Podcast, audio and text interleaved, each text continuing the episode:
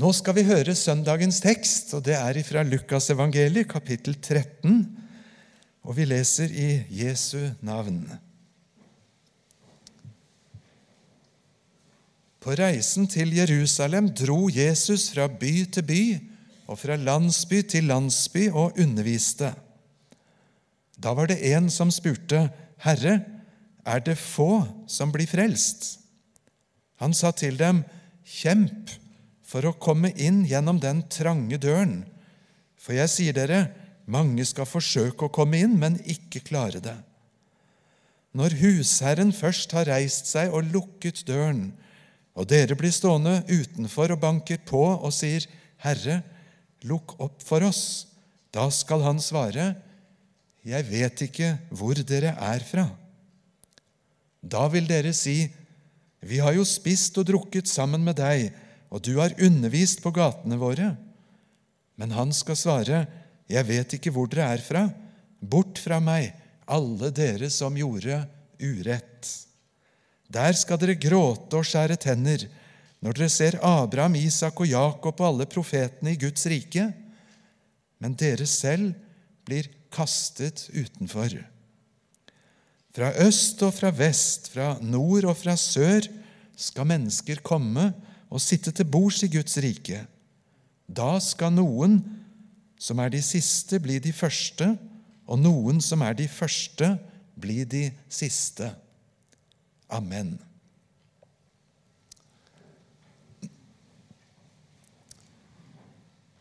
Slik underviste Jesus når han reiste fra by til by, fra landsby til landsby. Og det er ikke bare en alminnelig prekenreise. For dette er Jesu reise opp til Jerusalem, til Golgata. Og det vet Jesus, og det forteller han mange ganger langs veien. Og alt han sier i disse kapitlene vi leser her fra Lukas, det er farget av at Jesus med faste skritt går dit. Og det ligger Jesus så nær at like før vår tekst så sier han at han har en dåp han skal døpes med. Og så sier han faktisk 'Å, hvor jeg gruer' til den er fullbyrdet. Jesus grudde seg til reisens mål. Han visste hva som ventet ham. Far, om det er mulig, så la dette beger gå meg forbi, dog ikke som jeg vil, men som du vil. Jesus er på vei for å skape den frelsen som han allerede annonserer på veien, og som vi til denne dag lever på. En liten historisk parentes. I 1814 så satt det noen menn sammen på Eidsvoll med store tanker om at Norge skulle bli en fri nasjon. Og så laget de en grunnlov som om vi allerede var det. Og så drømte de mer eller mindre kanskje så realistisk at vi skulle få til noe eget. Og de manglet alt. Absolutt alt som skulle til for å lage en egen nasjon, og i alle fall et kongerike. De manglet en konge, de manglet en grunnlov, og de manglet noe så konkret som Norges Bank.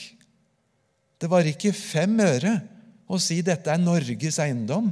Det vi hadde, det var rikelig med krav fra den store verden om erstatninger etter Danmark-Norge sine politiske eventyr. Og så sier disse eidsvollsfedrene til hverandre skal vi få et kongerike, så må vi ha Norges bank og Norges mynt. Og så må vi som eier noe, gå foran.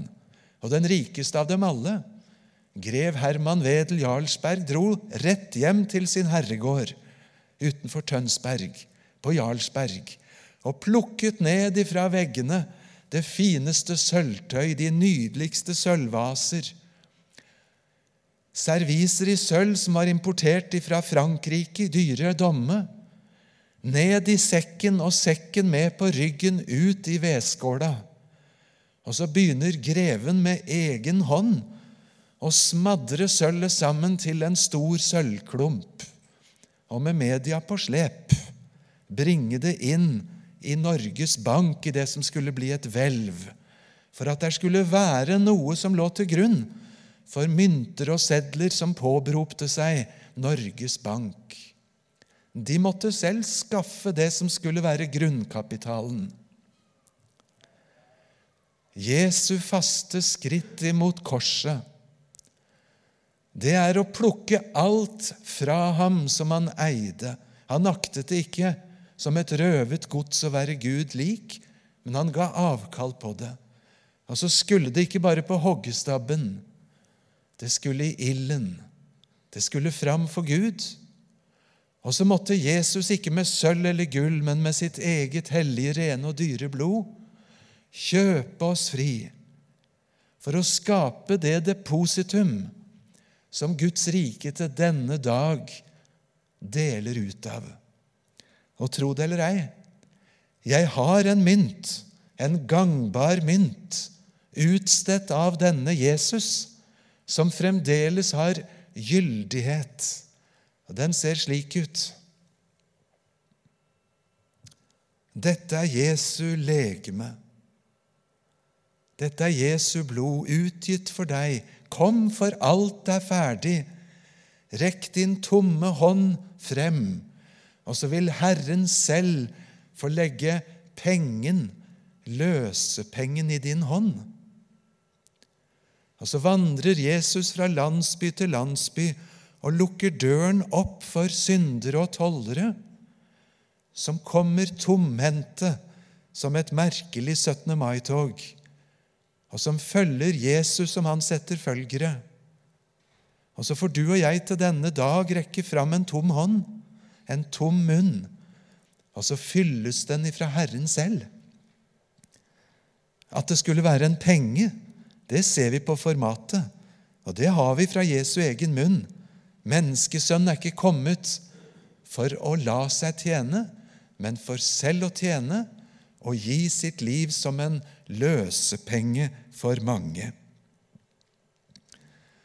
Men så kommer vi til dette store paradokset, det såre og triste budskapet som legger seg over oss alle sammen i teksten. Mange skal kjempe og forsøke å komme inn, men ikke være i stand til det. For et paradoks! Vi sier til hverandre på Bibelens grunn at du skal få komme gratis, tomhendt, uten egeninnsats. Og så forteller Jesus om noen som strever og kjemper for å komme inn, men som ikke er i stand til det.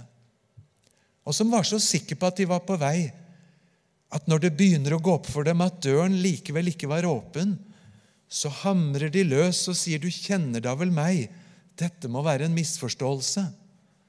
Og så møtes de av de strenge ordene, 'Gå bort fra meg, dere som gjorde urett.' Jeg har aldri kjent dere. Hva kan det være for et budskap? At mange strever, men ikke er i stand til å komme inn. Jeg fikk det spørsmålet helt konkret. Som ung predikant, ca. 20 år gammel, hvem er de som strever? Og jeg svarte med mange ord, men lite treffsikkert. Og så satt det en gammel misjonskone med tyll, tull i nakken. Forsiktig og bare så vidt hun våget å ta ordet, og så sa hun det. Kan det være de som søker på lovens vis? sa hun. Og det er jo det. Hva betyr det? De som forsøker med egeninnsatsen. De som forsøker å ta Guds lov på ordet og gjøre det så de kan leve av det. Ja, var ikke det rett? Var ikke det godt? Dette forklarer Paulus med et fantastisk tydelig uttrykk. I Romerne 10 så forteller han om den sorgen han som Paulus, som jøde, bærer dag og natt over alle sine landsmenn, som var av det utvalgte folket som Gud hadde gitt paktene, løftene, og som hadde fått Skriftene, men som likevel ikke kjenner Guds rettferdighet. De kjenner den ikke, og derfor så søker de å bygge sin egen rettferdighet. Og så bruker han et merkelig uttrykk. de har ikke underordnet sin rettferdighet under den de får fra Gud. Det er ganske omstridt å begynne å snakke om underordning, men i Bibelen står det om underordning i svært mange sammenhenger. Når alt er underlagt Kristus, så skal Kristus underordne seg Faderen. Som menigheten underordner seg under Kristus, som enhver god borger skal underordne seg under landets myndigheter og betale skatt. Liksom i de helliges forsamling alle underordner seg under hverandre i ydmykhet. Dere tjenere skal underordne dere under deres herrer. Dere unge skal underordne dere under de eldre. Og så står det om kone i ekteskap. Og det er gjerne det man siterer mest, som også bruker ordet 'underordne'. Men hørte du hva som sto i Romerne 10? Det var noen som var så ivrige, så nidkjære, for å oppfylle Guds gode bud, at de klarte ikke å underordne sin egen rettferdighet under Jesus. Den døren inn til Guds rike er så trang at det er ikke plass til både deg og glansnumrene dine. Det er ikke plass til deg og dine prestasjoner. Det må bli igjen på utsiden. Vi må simpelthen og bokstavelig plassere alle våre glansnummer under den rettferdigheten vi tar imot tomhendt ifra Jesus. Og så er det mange som strever Evangeliene viser oss en ung mann, rik, suksessfull, ressurssterk mann, som er så ivrig at han kommer løpende og faller på kne for Jesus og spør hva han kan gjøre for å arve evig liv. Og så var CV-en så fin og så praktfull at den sto i veien for Guds rike for ham. Og så var hjertet fortsatt bundet til noen rikdom som han først måtte etterlate på utsiden for det var ikke plass til å bære det med seg gjennom døren, verken de mange prestasjonene han hadde prestert fra han var ung, eller alt det han var så kjær. Og så fikk jeg vokse opp som barn i en gate i Japan, der mange og 90% var hedninger, og la en sånn iver i sin gudsdyrkelse at de morgen og kveld måtte tenne lys for altrene på gatehjørnet 20 meter ifra der vi bodde sette fram friske blomster, tenne på røkelsen, bære fram ny ris, så åndene kan være på vår side. De kjemper for å komme inn når livet er slutt. Men de er uten håp og uten Gud i verden. For det er ikke frelse i noen annen.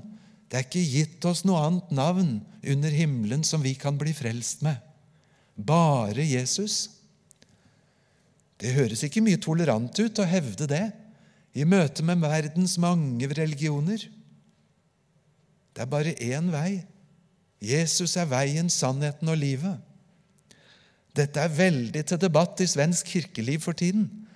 Og Der har en biskop funnet på det at de der sterke ordene om at Jesus er den eneste veien til Faderen, det er omtrent like bokstavelig som jeg sier til min frue om morgenen at du er den eneste skjønne i denne verden. Du er den vakreste og kjæreste. Jeg må vedgå, sier biskopen, jeg har ikke undersøkt riktig alle over hele kloden. Men du skjønner, det er kjærlighetsspråk. Det er jo ikke sånn matematisk ment. Slik er det fra Jesus' side.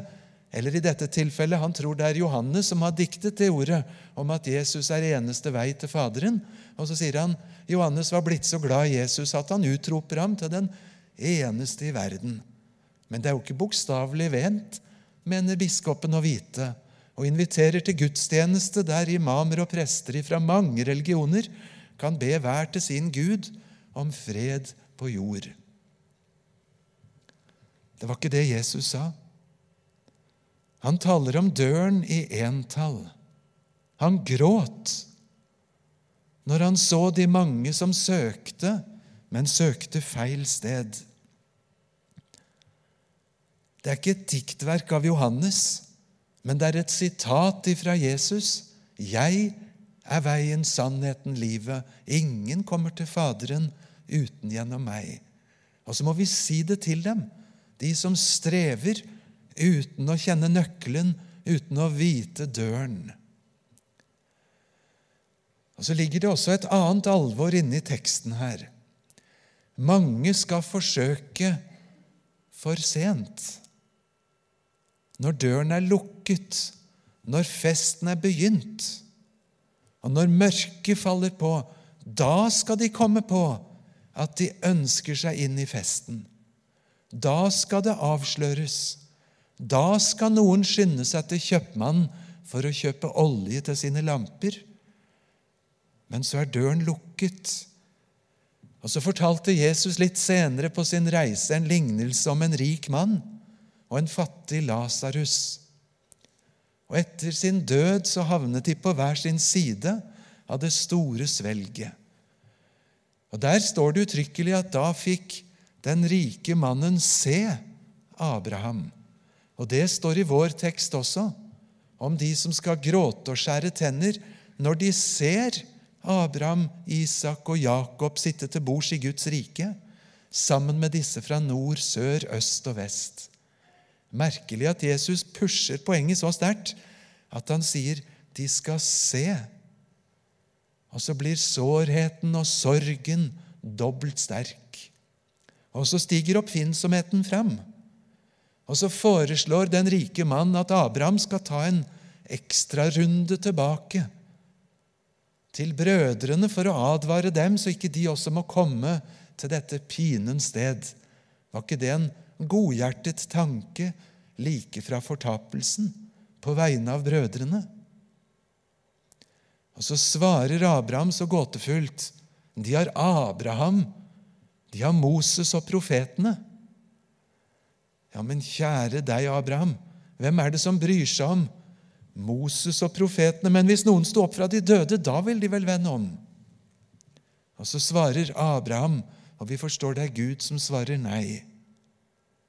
Vender de ikke om når de hører Moses og profetene, så vender de ikke om under noen omstendighet. Ingen gimmick, ikke noe påfunn, ikke noe reklamestunt kan nå inn til hjertet og skape omvendelse, annet enn ordene fra Moses og profetene, Gud sitt ord.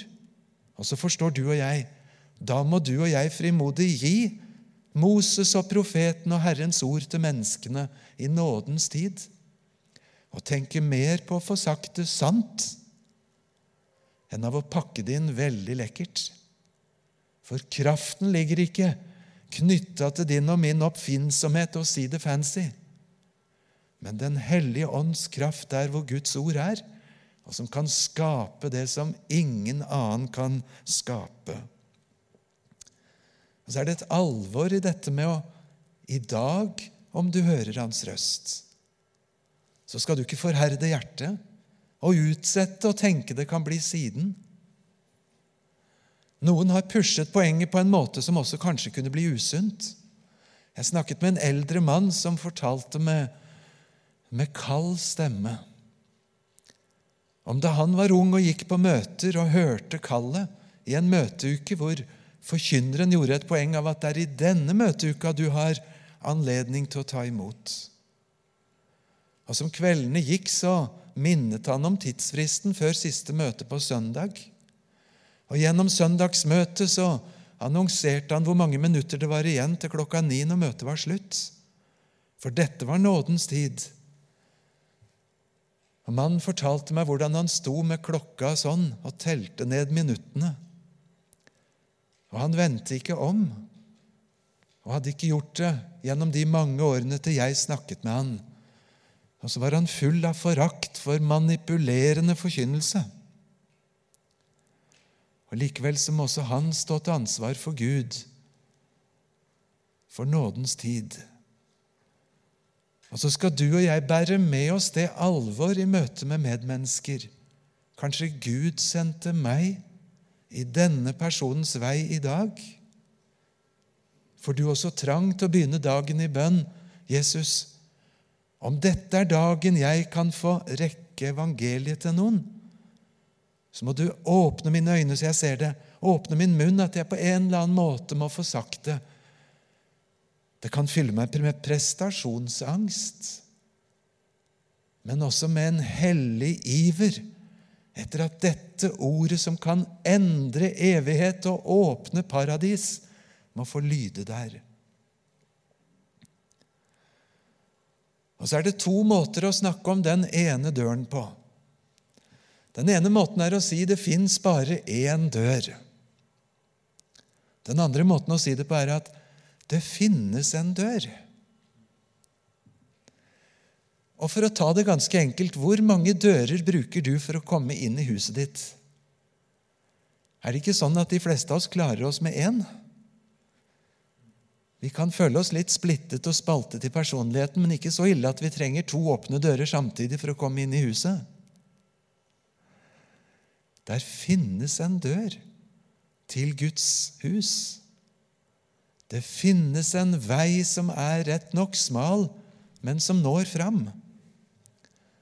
Det finnes en port som står åpen, og den er bred nok for deg og Jesus Resten må være igjen. Og så sier Jesus 'kjemp'. Og Det verbet for å kjempe det skulle jeg virkelig hatt lyst til å hatt en halvtime sånn som på Fjellhaug, til å forklare det greske ordet. For det ordet det betyr ikke strev og slit og jammer og klage. Det er et flott verb som brukes i idrettsverden for å ha et mål for løpet sitt. Jeg vet hvor jeg skal å sette en retning. Og så bruker Paulus det mange ganger, bare i 1. Timotius, en drøss med ganger når han snakker om du må stride troens gode strid. Er ikke det et paradoks? De fleste av oss vil leve bare uten strid. Men du vet åssen de fiskene har det som flyter med strømmen. Det er de som er døde. Den levende fisken som våger å sette seg et mål mot strømmen.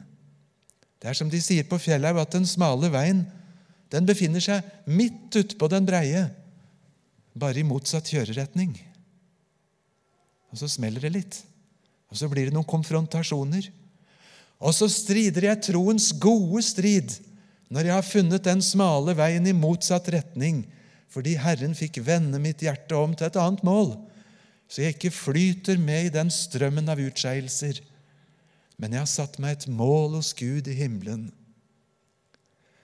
Jeg snakka med dette med kona mi om en strid, og så sa hun da tenker jeg på fem ganger føde. Jeg sto ringside, og hver av fødslene brukte mer enn 24 timer. Det var mer enn jeg klarte å stå oppreist og ikke sovne. Der lå hun og kjempet så vondt som hun aldri før og siden har hatt. Og så sier hun noen år etterpå det må være det nærmeste den gode strid du kommer i dette liv. Å stride fram et barn, et nytt liv som Herren har skapt. Til dager han har skrevet ned i en bok før en av de var kommet. Og så er det en vei. Og så skal du og jeg kjempe for å komme inn. Da minnes jeg en kveldsandakt på sengekanten hjemme hos Karianne, datteren min. Vi prøvde å lære dem noen gode sanger før de skulle sovne om kvelden. Hvis du prøver én sang hver kveld en uke, og så bytter neste uke, så kan du få et ganske stort spekter av gode sanger i løpet av en barndom. Vi prøvde på den flotte, lille sangen om å være ved Jesu føtter ei stille stund når orda kjem fra hans egen munn. Og så hørte jeg Karianne sang feil i siste setningen. Når jeg og Jesus aleine er, da er det dugnad å leve her.